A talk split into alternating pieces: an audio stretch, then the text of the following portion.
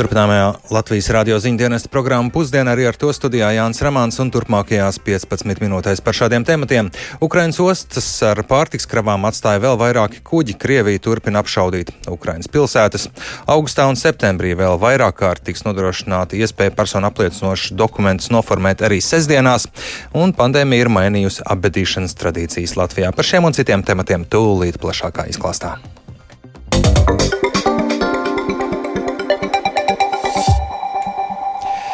Starptautiskā atomenerģijas aģentūra nosodījusi Krievijas karaspēku sarīkotās apšaudes Zaporižas atomelektrostacijā brīdinot par iespējamu kodola katastrofu. Ukrainas ostas šodien atstāja vēl vairāk kuģi ar labības kravām un ir cerība, ka Ukrainas graudu eksporta apjoms palielināsies. Un Krievija šonakt kārtībā reizi ir apšaudījusi Ukrainas pilsētas un par visvairāk pastāstīs Uldis Ķezberis. Nerimst bažas par drošības situāciju Zaporīžas atomelektrostacijā, kuras darbinieki bija spiesti atslēgt vienu no strādājošajiem energoblokiem pēc piekdien notikušajām apšaudēm, kuru rezultātā nopietni cieta atomelektrostacijas infrastruktūra. Ukraina apgalvo, ka apšaudes sarīkoja Krievijas karaspēks, kas kopš marta ir ieņēmis Zaporīžas atomelektrostacijas teritoriju. Ukrainas atomelektrostaciju operators Enerhoatom apgalvo, ka Krievija vēlas iznīcināt Zaporīžas atomelektrostacijas infrastruktūru un atslēgt to no Ukrainas energosistēmas. Ukrainas prezidents Volodimirs Zelenskis uzskata, ka Krievijas karaspēka sarīkotās apšaudes Zaporīžas atomelektrostacijā ir uzskatāmas par kodolterorismu. Krievijas teroristi kļuva par pirmajiem pasaulē, kas izmanto atomelektrostaciju terorismam, lielāko Eiropā. Mēs tam pievērsīsim pasaules uzmanību un uzstāsim uz jaunām sankcijām pret Krieviju par šādu globālu draudu radīšanu. Startautiskās atomenerģijas aģentūras ģenerāldirektors Rafaels Grossi paziņojis, ka Zaporīžas atomelektrostacijas apšaudīšana varēja izraisīt reālu kodola katastrofu, kas varētu apdraudēt iedzīvotājus un apkārtējo vidi Ukrainā un tālu aiz tās robežām. Grossi piebilda, ka militāras darbības, kas apdraud Zaporīžas atomelektrostacijas drošību, ir pilnīgi nepieņemamas un no tām ir jāizvairās par katru cenu, jo tām var būt potenciāli katastrofālas sekas. No Ukrainas Melnās jūras ostām šorīt izbrauca vēl četri bērām kravu kuģi ar 170 tūkstošiem tonu graudu. Trīs kuģi atstāja Čornomorskas ostu, bet vēl viens pameta Odesas ostu. Divi no kuģiem dosies uz Turciju, viens uz Itāliju, bet vēl viens uz Ķīnu. Līdz ar to kopš 1. augusta Ukrainas ostas ir atstājuši astoņi kravas kuģi ar labību. Ukrainas infrastruktūras ministrs Aleksandrs Kubrakovs paziņojis, ka līdz šim tā dēvētais graudu koridors kravas kuģu iebraukšanai un izbraukšanai no Ukrainas ostām darbojas sekmīgi. Nākamnedēļ Ukrainas graudu eksportu paredzēts sākt arī no Pivdenī ostas Južnes pilsētā. Kubrakovs cer, ka caur trīs Melnās jūras ostām mēnesī izdosies eksportēt vismaz līdz 3 miljoniem tonu graudu. Aizvadītajā naktī vairāki Ukrainas apgabali piedzīvojuši jaunas Krievijas raķešu un artilērijas apšaudes. Spēcīgi sprādzieni atskanēja Harkivā un Mikolaivā, apšaudīti arī Nikopoles un Krivīrīkas rajoni Ņipropetrovskas apgabalā. Kopš Krievijas pilna apmēra iebrukuma 24. februārī Krievijas karaspēks nav apšaudījis tikai Čerņivcu apgabalu Ukrainas rietumos, paziņojusi Ukrainas iekšlietu ministrija. No Krievijas raķešu un artilērijas apšaudēm visvairāk ir cietuši Donetskas, Luhanskas un Mikolaivas apgabali. Ukrainas bruņoto spēku ģenerālštāps informējis, ka Krievijas karaspēks Baltkrievijas teritorijā izvieto papildspēkus un pretgaisa aizsardzības sistēmas. Savukārt Lielbritānijas militārie izlūkdienesti vēsta, ka kopš iebrukuma Ukrainā Krievijas armija ir atbrīvojusi sešus komandierus, bet vēl desmit ir gājuši bojā karadarbībā Ukrainā. Uldis Česberis, Latvijas radio.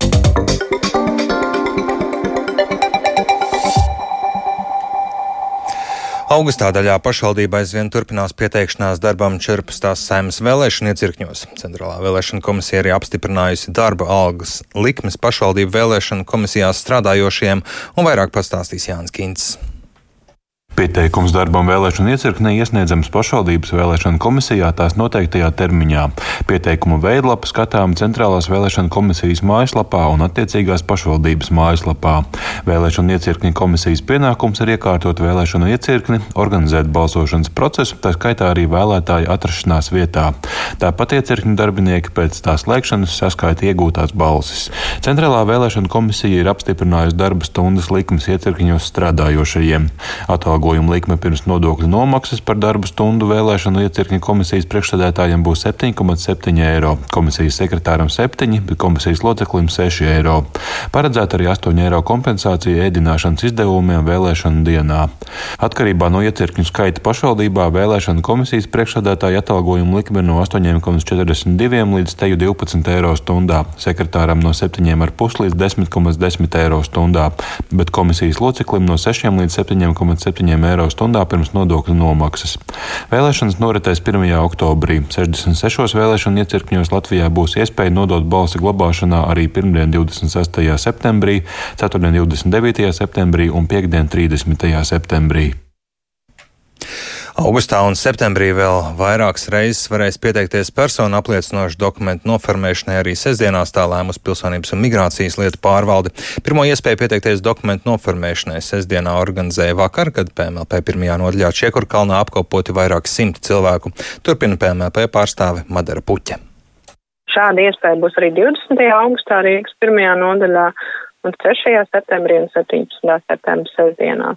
Tad šādu iespēju sniegsim arī klientiem Jālgavā, arī 3. un 17. septembrī un Daugavpilī 10. septembrī. Visas nodaļas strādās no 8 līdz 4 un pakalpojumu varēs saņemt rindas kārtībā tiks izdalīti numuriņi un klienti tiks apkalpots tādā kārtībā, kādā viņi būs ieradušies. Vēl svarīga lieta, ko varam piebilst, ir, ka vecāki, kuri vēlas noformēt saviem bērniem dokumentus, viņi var pirmajā reizē neņemt līdzi pašu bērnu, pēc 9 gadu vecumam, bet viņi var ierasties ar fotografiju, kur ir fotografēta fotosalonā, iesniegs visu dokumentus, un tad, kad uh, nāks saņemt dokumentu, tad būs jāpaņem līdzi bērns tas ir īsāks process, lai nebūtu ar bērnu jāgaida rindā. Rīkojot bērnus Latvijas iedzīvotāju ierasto tradīciju, aizgājēji guldīt zemē, izvēloties zārku, ir ietekmējuši Covid-19 pandēmijas ierobežojumu, un arvien vairāk cilvēku izvēlas veikt mirušā kremāciju, tostarp urnu apglabāt kapsētā. Tāpat arī pandēmijas ietekmē ir mainījusies bērnu ceremonijas organizācija un bērnu mīlestība izvēle, un lai gan apbedīšanas jomas pārstāvi norāda, ka lielākoties cilvēki turpina pieturēties pie tradīcijām, jaunās tendences tuvākajos gados to var mainīt. Plašāk Agnijas Lazdiņas ierakstā. Covid-19 pandēmijas ietekmē izveidojušās jaunas tendences, kas ierasto tradīciju tuvākajos gados var mainīt. Kā stāsta Latvijas apbedītāju asociācijas priekšsēdētājs Edmunds Streikfelds, pēdējo divu gadu laikā Covid-19 pandēmijas ierobežojumi un cilvēku pieejamie naudas līdzekļi bēru rīkošanai ir noteicošais faktors, kāpēc vairs netiek rīkotas tik lielas bēras kā pirms desmit gadiem. Tomēr pagaidām cilvēki turpina pieturēties pie tradīcijām, un lielas izmaiņas apbedīšanas jomā netiek novērotas periodā, kad mums bija pandēmijas noteikti ierobežojumi, cilvēki vairāk izmantoja krematorijas pakalpojumus bez ceremonijas ar domu, ka pēc tam urniņu apbedīs kapos tad, kad varēs ar cieņu un godu. Ja es atceros vēl pirms gadiem 30 šad un tad paņēmu pūtē kvartetu kapos, lai nospēlē vai vīru vokālo kvartetu, lai, lai nodzied. Tad uh, gadiem ejot, tas pieprasījums ir sašaurinājies tīri arī finansiāli apsvērumu dēļ. Arī Rīgas pašvaldības kapsēta pārvaldes priekšnieka pienākumu izpildītājs Gins Zēla atzīst, ka apbedīšanā nav mainījušās ierastās tradīcijas, un lai gan mūsdienās Latvijā pieaug kremāciju skaits un tiek aktualizēta iespēja urnu apglabāt zemē, tādējādi kapsētās aizņemot mazāk teritorijas, cilvēki šo iespēju pašlaik tik aktīvi kā citās valstīs vēl neizvēlas. Un vēl ņemot vērā satversmes tiesas spriedumu par to, ka uh, jebkuram ir tiesības saņemt bez maksas kapavietu un zārku abadījumus atšķirībā no Eiropas valstīm ir uh, salīdzinoši lēts, pakalpojums, viņi nav īsti motivēti izvēlēties šo urnu abadījumu. Tomēr Covid-19 pandēmija ir ietekmējusi bēru organizēšanu, un ierobežojumu dēļ arvien vairāk cilvēku, lai nodrošinātu mirušā apbedīšanu, vēlas veikt visus vajadzīgos pakalpojumus attālināti.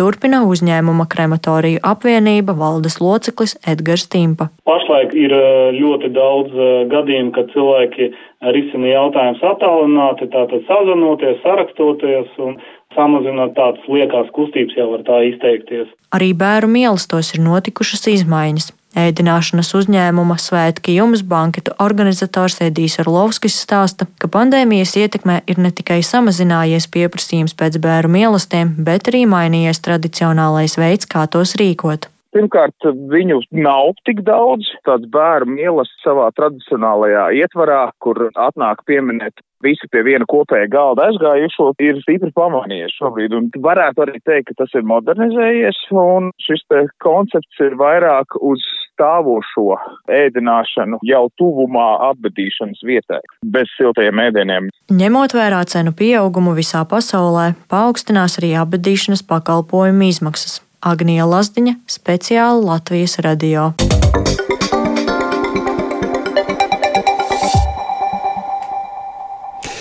Svētdienas pusdienlaikā pienācis arī tas brīdis, kad ieskatāmies sporta jaunumos. Dienas interesantākie notikumi vēl tikai priekšā, bet tiem gatavojas arī sporta kolēģis Māris Barks, ar kuru esmu sazinājies. Sveicināts, Māri, vai rīta pusē jau ir kādas vērā ņemamas sporta vēsts? Jā, sveiks, Jānis, sveicināti klausītāji. Noteikti ir jāpiemina, ka tieši rīta pusē pēc šī rīta sporta ziņām parādījās ziņas, ka Jānis Strelnieks karjeru varētu turpināt Grieķijas klubā Atēnu AEK. Par to ziņo medijas portāndo žurnālists Emiliano Karkija, un šī žurnālista informācija parasti ir diezgan precīza, tāpēc ļoti iespējams nākamajā sezonā Latvijas izlases saspēles vadītāju Strelnieku tiešām redzēsim Atēnās. Šobrīd Strelnieks kopā ar Latvijas izlasi gatavojas pasaules kausa kvalifikācijas spēlēm. Tāpat Tāpat pieminēšanas vērts fakts ir Latvijas jaunās vieglatlētes Agatas Caunas starts pasaules U20 čempionātā Kolumbijā. 17 gadus vecā skrējēja 5000 metru distancē izcīnīja 4. vietu, finišējot 15 minūtēs un 43,56 sekundēs. Tas viņai ļāva labot savu personīgo rekordu par 34 sekundēm. Nu, tiesa līdz 50. arī pietrūka 12 sekundes. Jāni? Jā, vakar Latvijas volejbola izlase aizvadīja otro no četrām spēlēm Eiropas čempionāta kvalifikācijas turnīrā zaudējums, bet kas volejbolistiem vēl priekšā? Jā, volejbolistiem vakar zaudējums četros setos pret grupas favorītiem Somiju, un jāsaka, ka par šo spēli tomēr ir tāda mazuma piegarša, jo ceturtajā setā pašu kļūdas liedz pacīnīties par uzvaru gan setā, nu, gan arī neļāva panākt izšķirošo piekto setu. Labi, ka izcīnīts vismaz šis viens sets, tas var lieti noderēt kvalifikācijas turnīra beigās, ja Latvija grupā paliks otrajā vietā. Kā zināms, Eiropas čempionātam kvalificēsies visu septiņu grupu uzvarētāji, kā arī piecas no septiņām labākajām otro vietu ieguvēju spēlējām. Ja paliksim otrajā, tad katrs punkts un arī katrs sets var būt no svara, bet tagad klausāmies Latvijas izlases galveno treneri Mihālu Gogolu. I'm proud from the players how they fight, how they come back into the game. The first set Finland was really serving very good. We have nothing to say. Esmu ļoti lepns par spēlētājiem, kā viņi spēja atgriezties spēlē. Pirmajā setā Somi servēja ļoti labi, tur nav ko iebilst. Somija kopumā bija pelnījusi uzvarēt. Viņi svarīgos brīžos nospēlēja labāk un precīzāk. Žēl, ka šajā spēlē palikām tukšā. Cerēju, ka spēsim tikt līdz piektajam setam, taču tas nenotika. Par to tiešām žēl. Atslēgas brīžos mums pietrūka vēsa prāta. Nebijām gana nosvērti. Jā, nu atbildot uz tavu jautājumu par to, kas volejbolistiem vēl priekšā, tad šobrīd ir neliela pauze, iespēja patrenēties, atpūsties, sārstēt kādus savainojumus, ja tādi ir. Un tad trešā spēle kvalifikācijas turnīrā 17. augustā, nu jau izbraukumā spēlējot pret Somiju, atkārtoti šī spēle plānota Turku pilsētā. Jāni? Kam šodien vēl pievērst sportā notikumiem uzmanību, kam sekot līdzi? Jā, nu dienas kārtībā būtisku vietu šodien ieņem futbols. Šodien virslīgā vēl 3.24. kārtas spēles. 4. pēcpusdienā FC Riga savā laukumā konto stadionā uzņems Meta komandu. 6. vakarā RFS spēlēs pret turnīra pastrīšiem Supernova, un šī spēle būs īpaša, jo tas būs pirmais mačs LNK sporta parka centrālajā stadionā. Vienlaicīgi Liepājā 6. vakarā sāksies spēles ar mājiniekiem Liepāju, un arī viņi spēlēs pret Audu. Tāpat spēle šodien arī Eiropas futbola līgās, tāpēc būs tiešām ļoti daudz futbola, ko skatīties. Bet eh, pusdienlaikā man šobrīd tas arī viss. Paldies, dzirdējāt Mārberga stāstam par svarīgākiem sporta jaunumiem. Bet ar to arī skan raidījums pusdienu vēl īsti par svarīgāko Ukrainas ostas ar pārtiks kravām atstāja vēl vairāki kuģi. Krievija turpinājusi apšaudīt Ukrainas pilsētas. Augustā un septembrī vēl vairāk kārt tiks nodrošināta iespēja personu apliecinošus dokumentus noformēt arī sestdienās, un pandēmija ir mainījusi apbedīšanas tradīcijas Latvijā. Programmas producents Edgars Kupčs ieraksts montē Renāšu Tēmans, pie studijas Pulcīvietas zvejniece studijā Jānis Ramāns. Mūsu ziņā varat sekot līdzi arī Latvijas Radio 1 Facebook lakā. Yeah.